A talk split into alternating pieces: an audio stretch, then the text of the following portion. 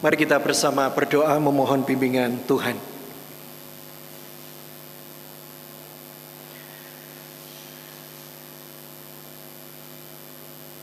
Di dalam kehidupan kami, Engkau terus memanggil kami untuk kami senantiasa memberikan yang terbaik dalam diri kami. Baik itu pikiran kami, diri kami, bahkan juga waktu hidup kami. Dan biarlah saat ini di dalam waktu yang sudah Tuhan anugerahkan kepada kami, kiranya Engkau berkenan untuk menerima setiap kami, menerima setiap pemberian dan persembahan kami. Dan saat ini ya Tuhan kami juga memohon kiranya roh kudusmu boleh menolong kami untuk memahami firman Tuhan. Engkau berkati setiap kami, baik kami yang mendengar pun juga kami yang menyampaikan. Supaya dengan demikian firman yang kami dengar tidak hanya berhenti pada telinga kami, tetapi juga boleh terjadi di dalam hidup kami hari lepas hari. Berfirmanlah ya Tuhan, sebab kami siap untuk mendengar dan melakukannya. Amin. Jemaat Tuhan yang terkasih, bacaan kita pada hari ini kita akan bersama-sama menyimak dari Injil Tuhan Yesus Kristus menurut Matius pasalnya yang ke-17 ayatnya yang pertama hingga ke-9. Matius pasalnya yang ke-17 ayat yang pertama hingga ke-9. Enam hari kemudian Yesus membawa Petrus, Yakobus dan Yohanes saudaranya dan bersama-sama dengan mereka ia naik ke sebuah gunung yang tinggi. Di situ mereka sendiri saja. Lalu Yesus berubah rupa di depan mata mereka, wajahnya bercahaya seperti matahari dan pakaiannya menjadi putih bersinar seperti terang. Maka nampak kepada mereka Musa dan Elia sedang berbicara dengan dia. Kata Petrus kepada Yesus, "Tuhan, betapa bahagianya kami berada di tempat ini." Jika engkau mau, biarlah kudirikan di sini tiga kemah. Satu untuk engkau, satu untuk Musa, dan satu untuk Elia. Dan tiba-tiba sedang ia berkata-kata turunlah awan yang terang menaungi mereka. Dan dari dalam awan itu terdengar suara yang berkata, Inilah anak yang kukasihi, kepadanya lah aku berkenan, dengarkanlah dia. Mendengar itu tersungkurlah murid-muridnya dan mereka sangat ketakutan. Lalu Yesus datang kepada mereka dan menyentuh mereka sambil berkata, "Berdirilah, jangan takut." Dan ketika mereka mengangkat kepala, mereka tidak melihat seorang pun kecuali Yesus seorang diri. Pada waktu mereka turun dari gunung itu, Yesus berpesan kepada mereka, "Jangan kamu ceritakan penglihatan itu kepada seorang pun sebelum anak manusia dibangkitkan dari antara orang mati. Demikianlah Injil Tuhan kita Yesus Kristus. Kita adalah orang-orang yang berbahagia ketika kita mau mendengarkan firman Tuhan dan bahkan melakukan firman Tuhan dalam hidup sehari-hari. Haleluya.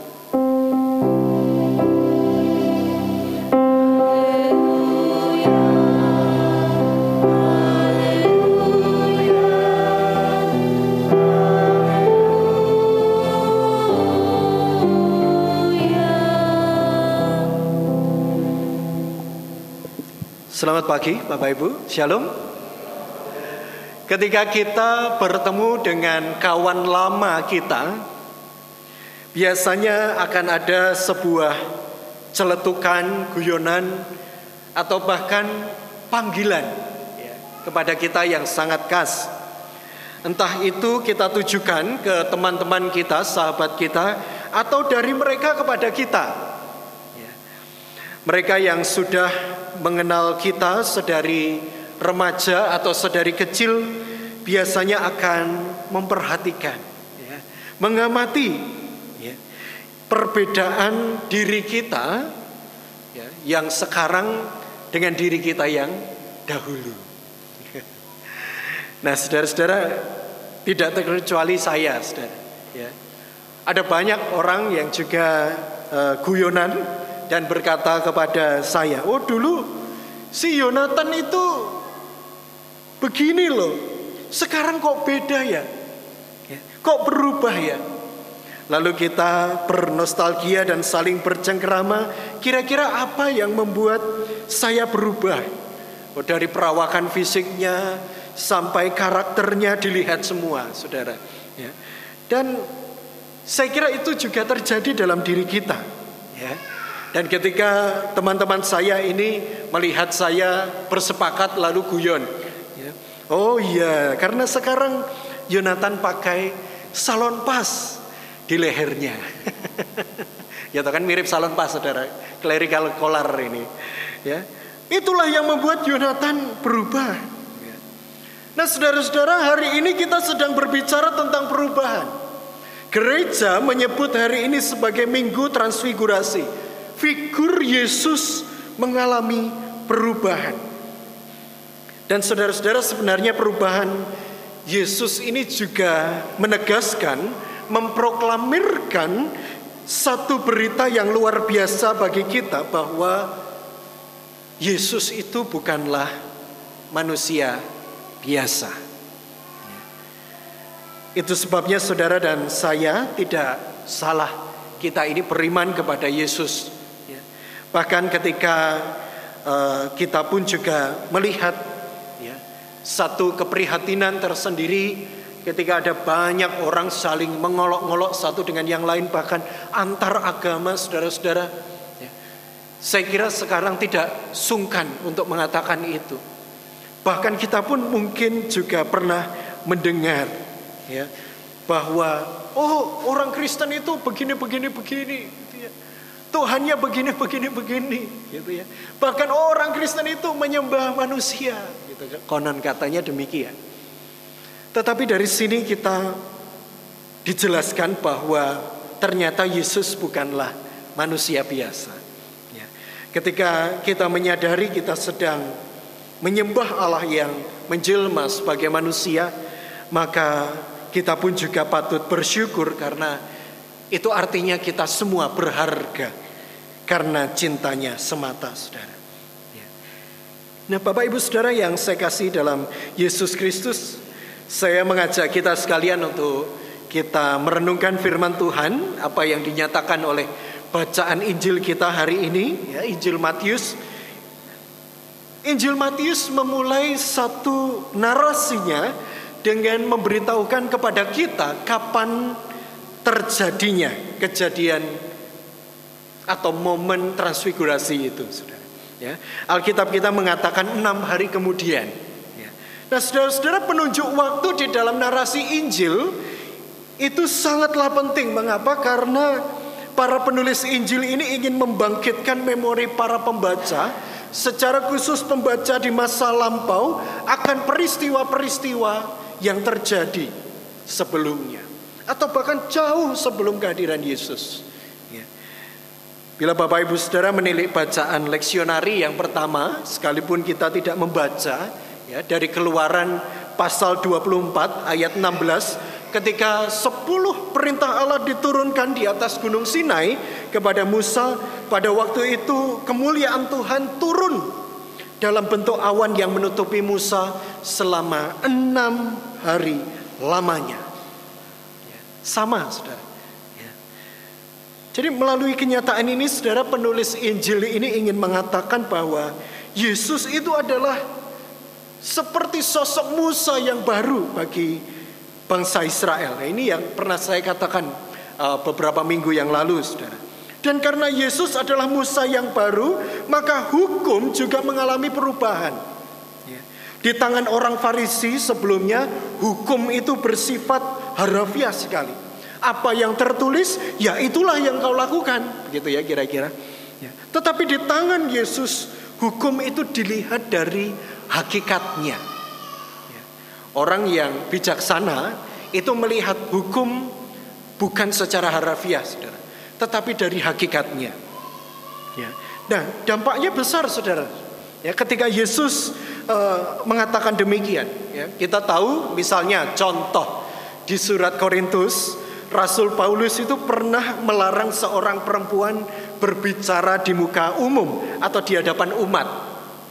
Ya, itu artinya kalau kita mengartikannya secara harafiah, kita bisa saja menjadikan ini sebagai sesuatu yang sangat keras untuk banyak orang. Itu artinya pendeta perempuan, presiden perempuan, direktur perempuan, penatua perempuan tidak diperbolehkan atau dilarang. Lalu apa GKI itu melarang atau melanggar Alkitab? Oh tentu tidak, saudara. Ya, nah itu karena apa, saudara? Karena kita sudah mengenal Yesus secara lebih utuh dari kehidupannya. Kita punya cara tersendiri untuk memaknai hukum. Atau dalam berbagai peristiwa yang lain ketika Yesus berkhotbah, kita sering kali mendengarkan Yesus mengatakan, engkau telah mendengar firman, jangan bersinah, misalnya begitu ya. Tetapi Yesus melanjutkan kalimatnya saudara-saudara ya. Engkau telah mendengarkan firman jangan bersinah itu. Tetapi aku berkata kepadamu bla bla bla bla. Begitu kan ya? Biasanya Yesus. Jadi Yesus sedang memberitakan suatu hukum yang baru yang berbeda dari para penafsir agama pada waktu itu. Ya. Itu bisa terjadi karena apa? Karena dia adalah sang firman yang hidup. Dan kita pun patut bersyukur akan hal itu saudara. Dan ketika kita melihat peristiwa transfigurasi ini secara lebih mendalam, saya mengajak kita untuk memakai sudut pandang seorang murid Yesus yang bernama Simon Petrus. Cara yang paling mudah untuk kita bisa mengerti sebuah perikop, uh, perikop Alkitab, ya, kita bisa melihat dari teks-teks sebelumnya. Ya, itu cara yang mudah, saudara. Nah, menarik saudara kalau kita kemudian memulai kisah ini dengan pertanyaan Yesus sebelumnya, pertanyaan yang begitu mendasar. Ya. Di dalam Matius pasal 16, saudara Yesus pernah bertanya kepada para muridnya, Who am I? Siapakah aku? Cara bertanyanya ini menarik, saudara. Menurut orang-orang, yang pertama, ya, menurut orang-orang siapakah aku? Kemudian dijawab oleh Petrus, ya, dia mewakili para murid. Oh, engkau adalah salah satu dari nabi Allah. Engkau adalah Yohanes Pembaptis. Engkau adalah nabi Elia. Engkau adalah nabi Yeremia. Ya, atau salah satu dari nabi-nabi yang lain. Nah dari pernyataan orang banyak tentang Yesus ini menunjukkan bahwa mereka ini begitu mengagumi pengajaran dan karya musisat Yesus. Itu sebabnya Yesus disebut seperti salah satu nabi Allah. Seperti salah satu nabi Allah. Kalau seperti itu berarti bagaimana artinya Saudara? Ya. Apakah sama atau uh, apa seperti yang asli atau asli? Tidak toh? yang namanya seperti saudara itu sekedar mirip bukan yang asli. Oleh karenanya Yesus sadar ini jawaban yang tidak tepat. Oleh karenanya Yesus juga melanjutkan dengan pertanyaan yang lebih mendalam. Apa saudara? Kalau menurutmu ya, tapi kalau menurutmu siapakah aku bagimu? Ya. Dan Petrus menjawab, engkau adalah Mesias, anak Allah yang hidup. Dan Yesus ini adalah Mesias yang dinantikan, itu yang dikatakan. Ya. Dan pengakuan ini mendapatkan apresiasi yang begitu luar biasa besar dari Yesus. Ya. Pengakuanmu, pernyataanmu luar biasa, kira-kira demikian. Nah yang menarik saudara, seusai Petrus ini mengakui siapa Yesus, Yesus kemudian menuturkan kisah penderitaan. Bukan kisah yang heroik, kisah kepahlawanan, tapi kisah penderitaan. Yesus mengatakan bahwa anak manusia akan mengalami penganiayaan dan penderitaan. Tidak heran kemudian Petrus langsung menarik Yesus dari kerumunan orang banyak itu mengingatkan Yesus, Yesus apa yang kau katakan? Engkau tidak akan pernah menderita seperti itu. Ya. Mengapa saudara? Karena konsep Mesias yang ada di kepala Petrus itu berangkat dari pemahaman manusia, pemikiran akal sehatnya sebagai manusia. Tidak mungkin seorang Mesias yang adalah pahlawan bangsa menyelesaikan tugasnya dengan cara yang begitu hina, yaitu mati dan menderita. Berkorban dan mati itu bukan cara Mesias, menurut Petrus. Ya. Petrus hanya berusaha beriman dari sudut pandang pemikirannya. Dan memang benar, ketika kita beriman, maka kita pun juga harus berpikir. Seorang bapak gereja bernama Anselmus pernah berkata bahwa iman itu mencari pengetahuan. Ya, benar. Pengetahuan dalam beriman itu penting. Tetapi dalam kisah selanjutnya Yesus juga mengingatkan Petrus dan kita semua saudara. Pengetahuan dalam beriman itu penting.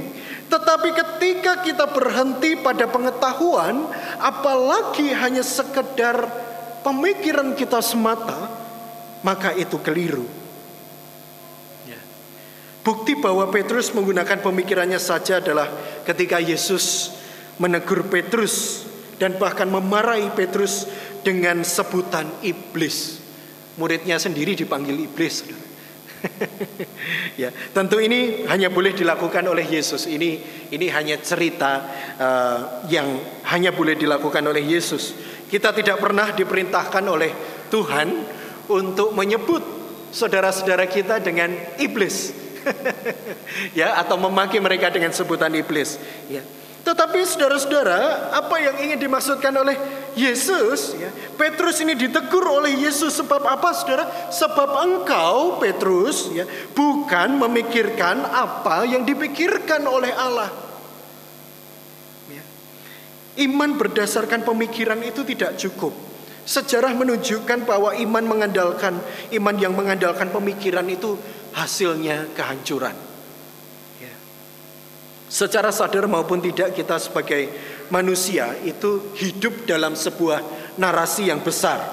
Narasi itulah yang kita pegang, kita anggap sebagai satu-satunya kebenaran di dalam hidup ini. Dan bila mana itu ditarik dalam kehidupan keagamaan Bapak Ibu Saudara, maka kalau kita tidak berhati-hati, pemikiran ini justru meniadakan pemikiran-pemikiran yang lain.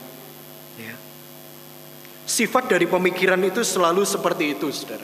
Dia berusaha menyeleksi dan bahkan selalu ingin membuktikan kebenaran pemikiran kita. Dan ketika kita hanya mengandalkan pikiran saya yang paling benar, ya, maka saya bisa berada pada kesimpulan saya benar dan Anda salah. Ya. Menurut saudara-saudara gereja mana yang paling benar? Wah tentu GKI Pak. Wah, Berdoanya begini gitu ya. Yang beribadahnya begini. Oh yang baca Alkitabnya begini Begitu ya. GKI adalah jalan kebenaran dan hidup. Ya. Nah saudara-saudara Ada biasanya di antara kita Ada banyak guyonan yang uh, apa satir gitu ya yang seakan-akan meledek gereja yang lain. Saudara ada banyak ya. Kalau misalnya Bapak Ibu Saudara ditanya, "Oh, Pak dari mana?" "Oh, saya dari GKI." "Oh, gereja kurang iman." gitu ya. Kenapa? Oh, karena apa-apa harus terprogram, terinci. Anggaran harus jelas sampai-sampai seperti tidak percaya dengan berkat-berkat Tuhan yang akan datang nanti. Kurang mengandalkan Roh Kudus. Gereja kurang iman. ya. Atau mungkin dari antara Bapak Ibu Saudara ya yang uh, pernah ditanya, "Oh, Pak dari mana?" "Oh, saya dari GKJW." Gereja kurang jelas dan wagu gitu ya. Kok bisa? Oh, ibadah kadang pakai bahasa Indonesia, kadang bahasa Jawa sampai-sampai membingungkan orang baru. Mungkin ada dari antara Bapak Ibu Saudara yang datang dari luar Jawa sekalinya ibadah itu datang ke GKJW atau GKJ di Jawa Tengah misalnya kalau Jawa Tengah GKJ itu ya kaget dengan ibadahnya karena pakai bahasa Jawa saudara Para saudara ingkang kinasih sumangga kita ngrepakaken kidung pamuji nomor setunggal atus pitung doso sekawan. Iki opo? gitu ya. Saudara hanya tahu satu kata saja yaitu Amin, saudara. Lainnya tidak tahu, saudara. Oh kamu dari mana? Yang lainnya misalnya, oh GPIB pak. Oh gereja peninggalan inventaris Belanda. Makanya barang-barangnya kuno. Alat-alatnya kuno. Kursinya kuno. Kurang modern. gitu ya. Atau mungkin yang lain. Oh kamu dari mana? Dari HKBP pak. Wah ini.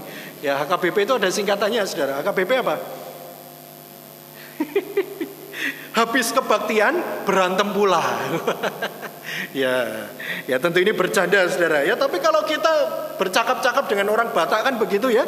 Rasa-rasanya kaget gitu kalau mengajak bicara itu seperti apa? Orang berantem gitu ya.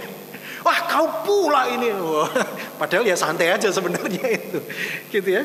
Nah saudara-saudara ini lelucon yang di dalamnya sebenarnya ingin mengatakan bahwa manusia itu kerap kali saling berebut tentang siapa yang paling benar dalam kehidupan rumah tangga dan bahkan relasi. Kita pun juga merasakan yang demikian. Ketika kita ingin menunjukkan kebenaran itu, siapa yang lebih sering kita tunjuk sebagai yang salah, saudara? Orang lain, bukan kita. Ya tak? Nah untuk itulah Injil itu berlanjut saudara. Ketika Petrus mengakui Yesus sebagai Mesias, Yesus menceritakan tentang pengorbanan Sangat berbeda dengan apa yang dipikirkan oleh Petrus, saudara.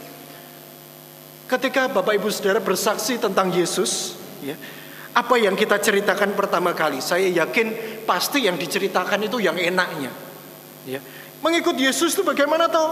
Apa ya menderita? Oh Ya, enak kok mengikut Yesus. Tuhan itu raja, maha kaya, maha baik. Mana ada anak raja itu menderita? Ya, enggak ada. Kita tidak mungkin miskin kalau saudara hidup miskin, salahkan hidup saudara. Itu. Yang lain begitu saudara. Ya.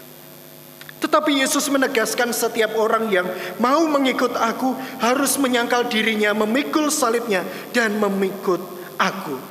Mengikut Tuhan itu berarti memikul salib, Saudara.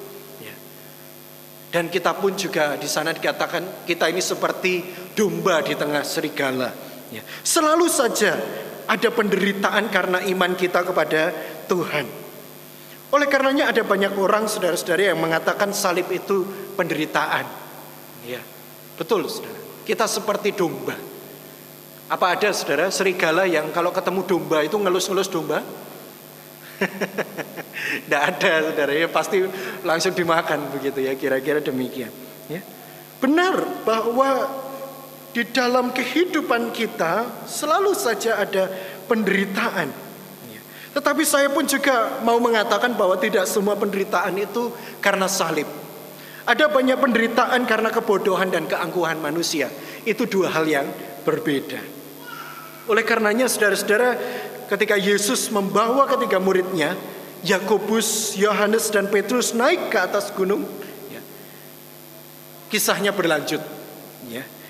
Gunung, ya, sebagaimana tadi keluaran seperti Israel dengan Gunung Sinai, ya, gunung itu lambang tempat kediaman Tuhan.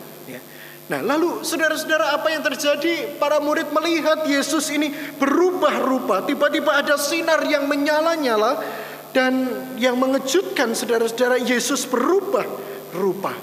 Ya. Yesus nampak sedang bercakap-cakap dengan dua tokoh besar sepanjang sejarah bangsa Israel, yaitu Musa dan Elia. Itulah yang membuat mereka kagum bukan kepala.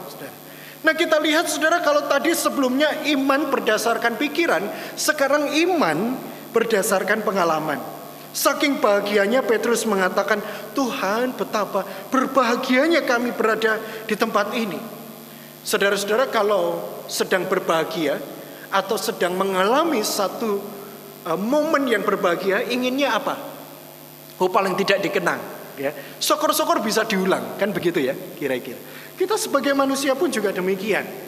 Kita dengan pasangan kita, saya yakin saudara-saudara mau Bapak Ibu Saudara yang sudah usia pernikahannya banyak maupun masih muda, selalu saja ada uh, tindakan romantisme ini. Romantisme itu mengulang kenangan, ya. Artinya apa? Ketika saudara-saudara misalnya, oh dulu saya pernah makan di sini pak, ya, ya walaupun tidak terlalu enak, ya, Harganya 3000 misalnya angkringan gitu. Tapi karena saya makan sama pasangan saya, waduh itu rasanya enak sekali Pak. Ya. Waduh saya mau Pak sekali-kali saya naik motor lagi. Ya ini seperti uh, saya waktu muda dengan istri saya dulu. Ya. Wah itu mau ya, seperti saya ya misalnya, wah saya mau kosnya uh, Devi ini ada di mana? Oh saya antar saudara. Ya Wah mau di Jogja Selatan pun saya antar. Sampai Banyuwangi saya antar. ya. Nah itu orang yang sedang jatuh cinta. Ya. Kenangan itu selalu ingin diulang. Ya. Nah oleh karenanya Petrus pun juga demikian. Engkau kalau engkau mau biarkanlah kudirikan di sini tiga kemah supaya apa? Supaya aku tetap bisa mengenang segala keindahan itu. Tetapi Yesus mengatakan apa saudara? Tidak dan setelah Yesus mengatakan itu, semuanya lenyap. Karena apa? Karena Tuhan tidak pernah menginginkan monumen dari iman kita, saudara. Pengalaman itu memang berdampak pada iman, tetapi iman tidak pernah boleh berdasar semata-mata atas pengalaman. Ya. Berapa banyak dari antara saudara yang berjodoh, misalnya di gereja atau karena pelayanan? Oh banyak saya kira ya dari antara saudara-saudara. Tetapi kita pun kan juga menyadari bahwa ketika kita punya pengalaman demikian kita tidak boleh mengatakan ayo dong ibadah atau pelayanan supaya kamu ketemu sama jodohmu gitu ya. Nggak bisa saudara karena tidak setiap orang bisa bertemu jodohnya di dalam pelayanan atau bahkan di dalam gereja. Ya. Pengalaman itu sifatnya personal dan setiap pengalaman itu pada dirinya benar. Tidak bisa mengatakan pengalaman saya benar dan pengalaman saudara itu pengalaman yang salah. Karena Allah itu berkarya berdasarkan pengalaman manusia. Oleh karenanya saya ingin mengatakan saudara sebagai refleksi yang terakhir, iman itu selalu muncul dari pengalaman dan juga pengetahuan. Dua hal yang tidak terpisahkan. Oleh karenanya di dalam bacaan kita, setelah peristiwa itu usai kita mendengarkan suara Allah yang mengatakan demikian. Inilah anakku yang kukasihi, kepadanya lah aku berkenan. Dengarkanlah dia. Dengarkanlah dia. Itu yang paling penting di dalam hidup ini. Dan dalam bahasa Yunani, dengarkanlah, akowo, itu bukan hanya mendengar, tetapi juga mengerti dan menaati. Ada berapa banyak saudara-saudara yang kita ini mendengarkan firman Tuhan, tetapi firman yang begitu luar biasa itu seakan-akan lewat menjadi sesuatu yang sia-sia. Berapa kali, saudara? Ya. Saya mengibaratkan ini sebagai contoh terakhir, saudara. Saya sering kali dulu itu membayangkan bahwa kita sebagai manusia, ketika kita datang untuk beribadah kepada Tuhan, kita ini seperti seakan-akan nonton bioskop. Nonton bioskop itu bagaimana, saudara? Pasti nyaman sekali, ya, menyenangkan kok. Ya, nonton film itu menyenangkan sekali. Ya. Bahkan lucunya kalau kita menonton bioskop, kita tidak pernah apa ya berusaha untuk terlambat, saudara. Berbeda ketika kita beribadah. ya toh? Ada dari antara Bapak Ibu, oh saya mau nonton tapi saya datangnya setengah jam deh. Setelah jam mulai oh enggak ada Saudara. Tetapi ketika kita beribadah, mungkin kita masih punya pemakluman-pemakluman tersendiri. Enggak apa-apalah. Yang penting belum khotbah. Gitu ya. Atau bisalah pulang ya setelah khotbah gitu ya. Kita menganggap ibadah itu selayaknya tontonan. Ketika kita datang ke bioskop, oh tempatnya enak, saudara. Sofa di gereja, keras tempat duduknya, ya. Nanti ya kalau ini ya, kalau enak, kalau udah enak ya saya nanti ngantuk pak, gitu di gereja. Di bioskop masih bisa makan popcorn minum pak. Di gereja, wah begitu ada yang makan, eh kamu kok makan di gereja? Bagi-bagi dong. Oh, enggak ya. itu ya. Tetapi saudaraku bahwa saya ingin mengatakan ya. Justru dari tempat inilah kita belajar banyak hal. Ketika kita menilai gereja itu selayaknya bioskop, tentu akan ada banyak alasan yang tidak menarik bagi kita. Saudara. Ya. Kita melewatkan berkat firman Tuhan yang sesungguhnya. Justru dari tempat inilah kita, iman kita ini bertumbuh dan dibangun. Di mana kita bisa belajar dari satu kehidupan, dari kehidupan yang lain. Kita belajar dari satu pemikiran hingga pemikiran yang lain. Satu pengalaman dengan pengalaman yang lain. Belajarnya di mana? Di gereja, saudara. Ya. Dan kita pun juga belajar untuk mendengar. Tidak hanya Tuhan, tetapi juga sesama kita. Ya. Dan tidak hanya mendengar, saudara. Yang paling penting adalah mendengar itu selalu outputnya adalah menaati dan kita pun juga dipanggil saat ini. Ini bersama dengan rekan-rekan dan teman-teman yang juga akan diteguhkan sebagai penatua. Mari kita pun juga mulai hari ini kita memberikan yang terbaik bagi Tuhan. Kita belajar senantiasa paling tidak untuk mendengarkan Tuhan. Tidak hanya firmannya tetapi juga mendengarkan panggilan. Tuhan memberkati kita. Amin. Mari kita bersama berdoa menutup rangkaian ibadah kita.